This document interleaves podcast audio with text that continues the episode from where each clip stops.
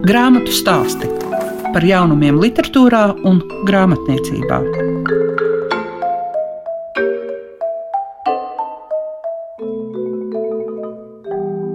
Savu skanējumu sāk grāmatas stāsti, un šīs dienas raidījumā jūs varēsiet dzirdēt Jāni Zālīti, kurš ir uzrakstījis monogrāfiju par Jāni Ziemeļnieku, kurai dots nosaukums kam puķe zied. Tas iznāca sērijā Es esmu.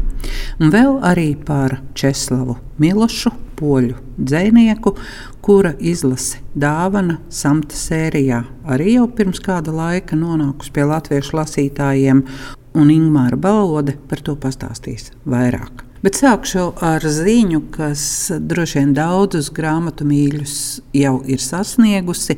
No 11. līdz 13. martam Startautiskais izstāžu centrs Ķīpselā kļūs par grāmatu pilsētu, un tajā būs gan rakstnieki, tulkotāji, izdevēji, lasītāji. Trīs dienas Domāju, ka katrs varēs atrast sev ko interesantu un uzrunājošu. Protams, līdzās arī izstāde skola. Bet tagad gan vārds Jānim Zalītim par šo monogrāfiju, kas iznākusi sērijā Es esmu un par dzinieku Jāni Ziemeļnieku. Grāmatu stāsti programmā Klasika.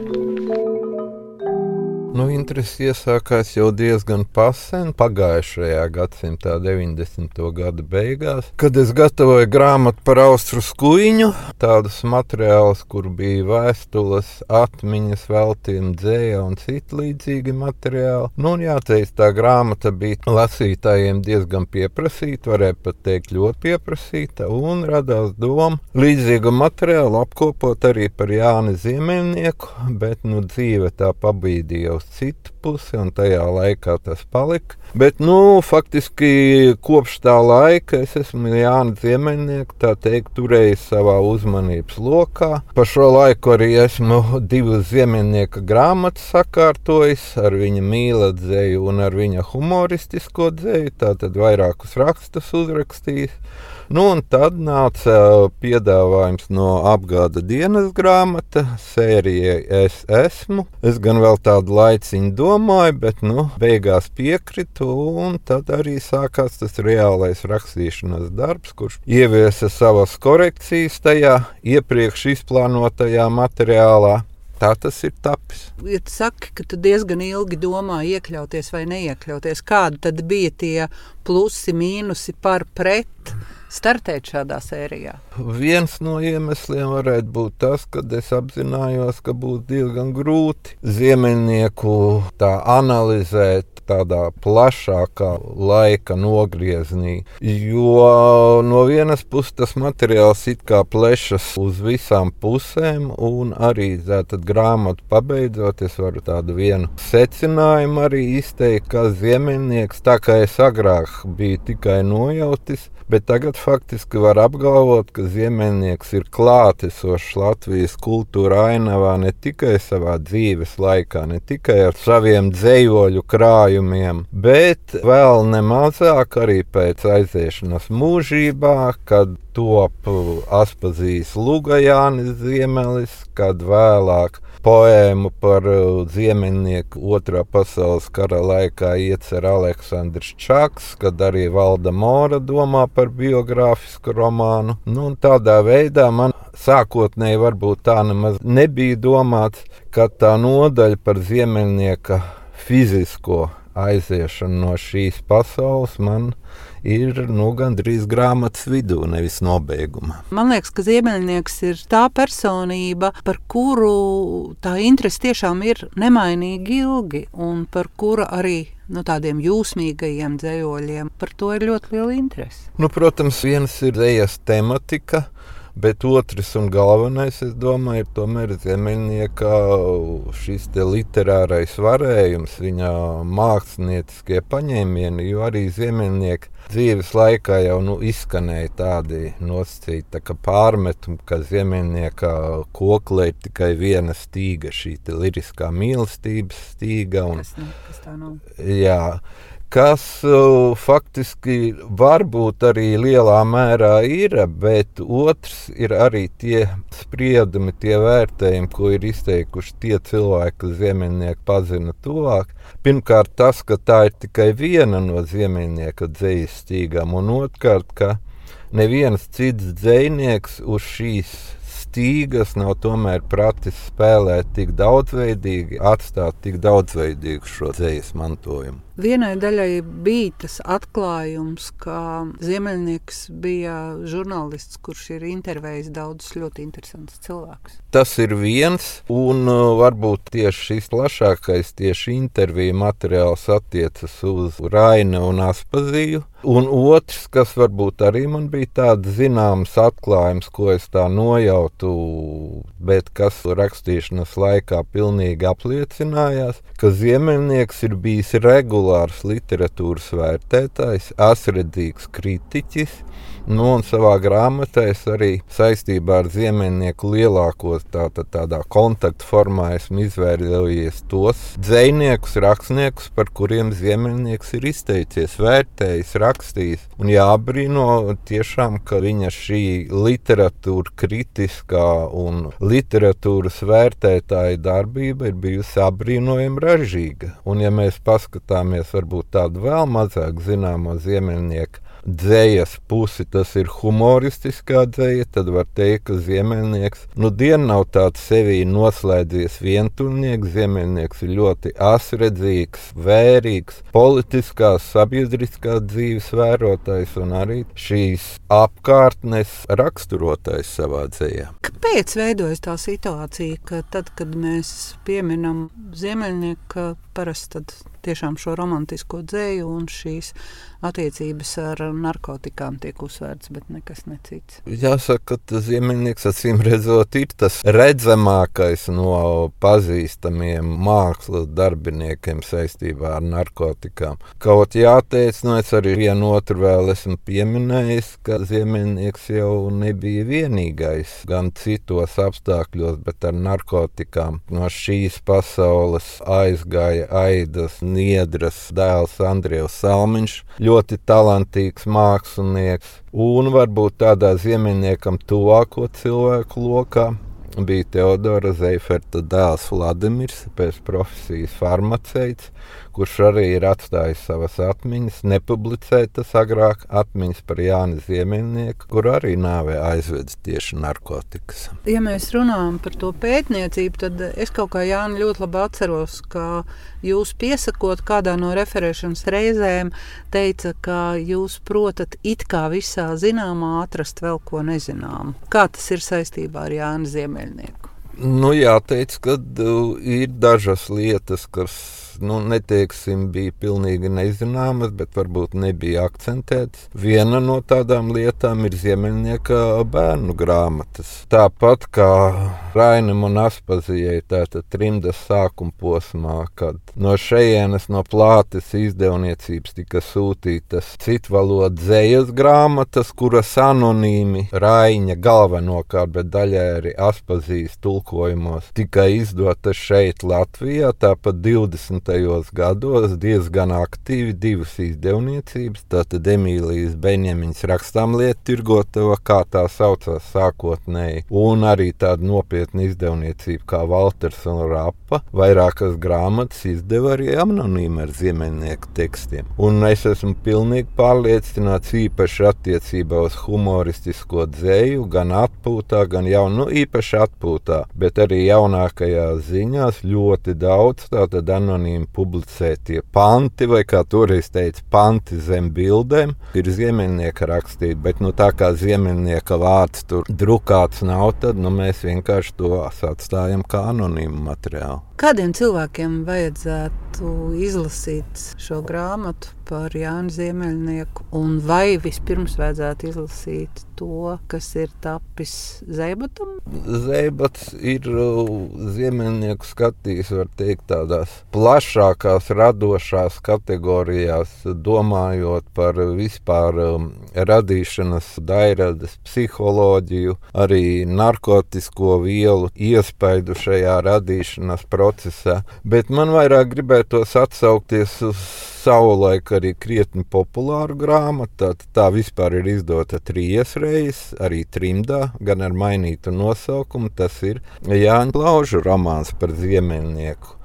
Nu, jāteic, ka šīs romāns ir vairākām lasītāju paudzēm. Tad veidojas to viņu prātu īsto un patieso un plašāko iespēju par ziemeļnieku. Un jāteic, to savulaik arī plaudim pārmet, kad ir grūti rakstīt biogrāfisku darbu tik drīz pēc literārā varoņa nāves. Tad bija pagājuši tikai seši gadi. Lielākā daļa no ziemeļnieku draugiem, laika biedriem bija dzīvi, kas, protams, protams, arī tīri psiholoģiski ietekmē radīšanas procesu. Un otra lieta, ka Jānis Plaudis, rakstot šo romānu, cieši kontaktējās ar uh, Valdu Moru. Nu, un viss, teiksim, tas ziemeļnieka skatījums un īpaši narkotiku iespējas un uh, vēl daudz kas cits šajā romānā ir pasniegts Valdes Moras acīm, ko Valda Mora arī mūža beigās atzina, ka viņa tomēr ziemeļniekam ir nodarījis pāri, un ka var būt daudz kas ir izteikti sievišķīgi un subjektīvi pasniegts plaudim. Plaudis sarakstījās ar Valdu Moru, tātad šīs ziemeļnieka vēstules Valdai Morai, kuras cik noprotams, joprojām ir palikušas kaut kur Amerikā. Tātad no šīm vēstulēm uh, tieši pēc Valdes Moras atlases vēstules tika iepludinātas tekstā, protams, ņemot vērā pašas Valdes Moras komentārus. Nu, tādā veidā mēs varam teikt, ka tas ir uh, Valdes Moras skatījums uz ziemeļnieku. Grāmatu stāsti tiem, kam grāmatu lasīšana ir vērtība. Atvērsim šodien grāmatu stāstos Česlava Miloša dāvanu. Un par to, lai tā patiesi būtu arī dāvana tiem, kas vēlas lasīt un baudīt labu literatūru, ir jāsaka paldies Ingmārai Balodei. Viņa gan neviena, kopā arī ar Ulu Bērziņu, ar Marģeru Majevski, Māri Salēju, to mums piedāvā kā tādu krāšņu un pasakainu izdevumu, kuru var priecāties tie, kas grib domu pasaulē pabūt. Šo grāmatu lasot, es gribēju sākt ar to atziņu, kas ir bijusi Česlavam Milošam principā visu dzīvi, ka viņš ir sadzīvojis ar pazemību un lepnību kā nemitīgu sacensību. Un laikam tagad, kad tā situācija mums visur ir tik par to ir vērts padomāt.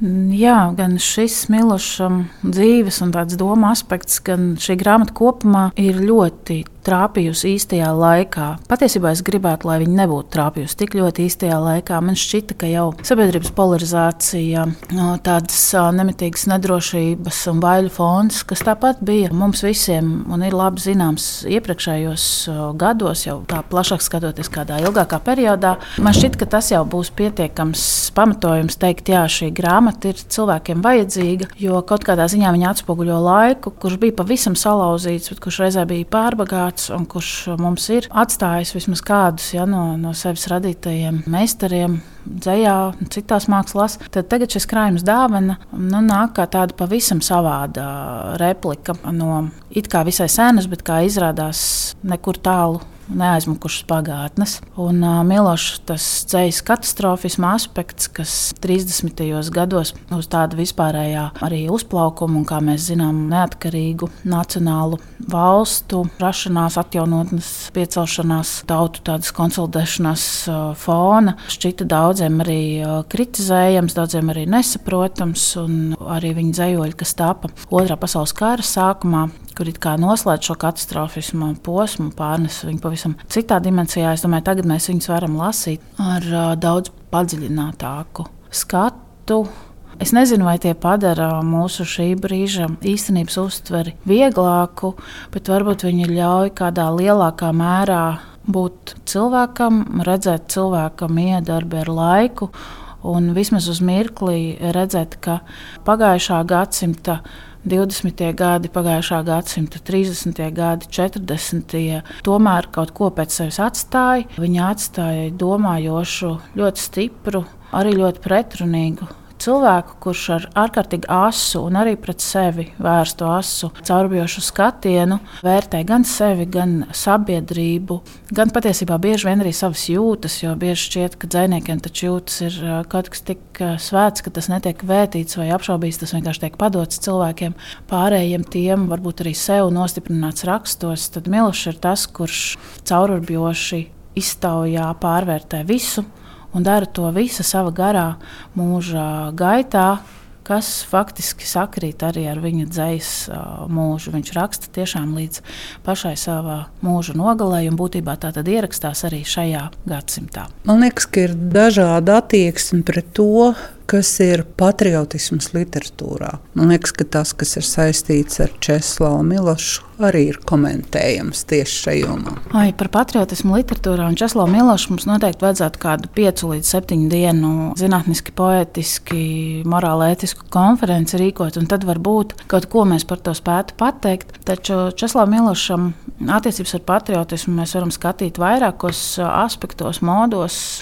Viens pilnīgi noteikti ir viņa uzaugšana daudzvalodīgā, daudznacionālā vidē, kur nevienas attiecības nav iepriekšdotas un vienkāršas. Tās ir mainīgas, sarežģītas, struktūrētas, un to izvērsums vienmēr ir atkarīgs no tā paša, no kā tagad, no, no cilvēcības, no tādas sirds gudrības. Es runāju par poļu ģimeni, kuri dzīvo tā brīža Krievijas impērijā, taču pēc mūsu šī brīža skata Lietuvas laukos, kuri savā ikdienā tāpat kop to pašu zemi, jūsmo par tiem pašiem kokiem, drūvām un tā tālāk.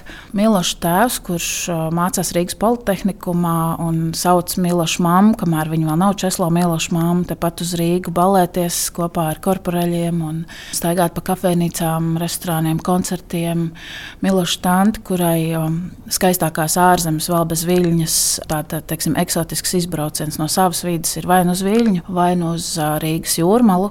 Tātad šī vide, kas jau veidojas no tādiem stikliņiem, dažādām prizmiņām, kā var skatīties uz to, kas kurā vietā notiek, kur kura valoda prevalē, ko mums gal galā māca, kā cilvēkiem, arī kā tādam jaunam bērnam šajās vidēs. Tad ir viļņa, ļoti stiprā, pašpārliecinātā poļu viļņa, kurā tomēr arī mazs zēns zina, ka ir šī ļoti būtiskā lietuviešu daļa, un galu galā lietuviešu viļņa, kurā Milošs tik labprāt un ar tādām ilgām atgriežas. Mēs nevaram pateikt, ka Milošs ir lietuviešu vai poļu patriots tikai. Viņš nekad nepieļautu šādu dalījumu. Un patiesībā tajos agrīnijos dzējoļos var redzēt, ka laiks, kurā sāk ielās maršēt lietuviešu patrioti un tiem pretī kaut kur savu pozīciju dažādos veidos parāda vietējie poļu nacionālisti. Viņam ļoti sāp. Viņš ar to brīdi sāk teikt, ka tas plēš viņu gabalos un ka viņš nekad nenostāsies vienā no šīm grupām ar transparentiem rokās. Zejoļos viņš, protams, izspēlē gan ielu nosaukumu maiņu, gan um, teiksim, Viļņas kā pilsētas kaut kādas rakstura pārvērtības, bet tajā pašā laikā tā ir visu mūžu viņa iekšējā viļņa, ko viņš turpina sev nest līdzi. Tāpat kā viņam pieder savs laika nogrieznis, savs gabals Vāršavas, kaut vai Vāršava burtiskā nozīmē viņa acu priekšā aiziet bojā. Viņš no tās izkļūst, tam ir atsevišķi dzējoļi, kas arī ir šajā krājumā ielikti, kā viņš iziet no viņas uz Gošaciem un uh, kādu laiku pavada ārpus šīs nopostītās vietas. Un pēc tam ir jau tas trimdnieka aspekts, kas visu patriotismu uh, liek skatīt vēl citām acīm, kas liek mežonīgi ilgoties pēc vietas, kur ir tava valoda, kur ir tavi draugi, kolēģi, no kuriem daži politisku tādu ievainojumu dēļ pārvēršas arī par nedraugiem, nekolēģiem vai pat ienaidniekiem. Tas viss ir ārkārtīgi, ārkārtīgi sarežģīti. Un tad vēl tāds pēdējais mums ļoti būtiskais Česlava Miloša un patriotisma tēmas risinājums ir Česlavs Milošs un viņa runa saņemot Nobel prēmiju, kurā viņš runā nevis par sevi tikai, nevis tikai par poļu kultūru, bet par Baltiešiem par Baltijas valstu neatkarības pašsaprotamību, nozīmību un tādējādi atkal ieliek sevi mums visiem blakus, ja mēs tā varam atļauties sacīt. Tajā brīdī viņš nav dzēnieks no Amerikas, tajā brīdī viņš nav profesors no Berklijas, tajā brīdī viņš ir tas pats jauneklis, kurš mācījās lasīt tepat lietuviešu laukos savus poļu burtus, par kuriem viņš raksta. Droši zinu, lasīt nemūžam es nemācēšu. izskan grāmatu stāsti. Šīs dienas raidījumā dzirdējāt par Jāņa Zālīša monogrāfiju Kampuķa zied un Česlava Miloša krājumu dāvana, kas ļauj iepazīt vienu no 20. gadsimta dižākajiem un pasaulē pazīstamākajiem poļu dziniekiem. Visu labu jums saka Liega Piešiņa. Grāmatu stāsti par jaunumiem literatūrā un grāmatniecībā ik trešdienu, 9.5. ar atkārtojumu Svētdien, 18.15.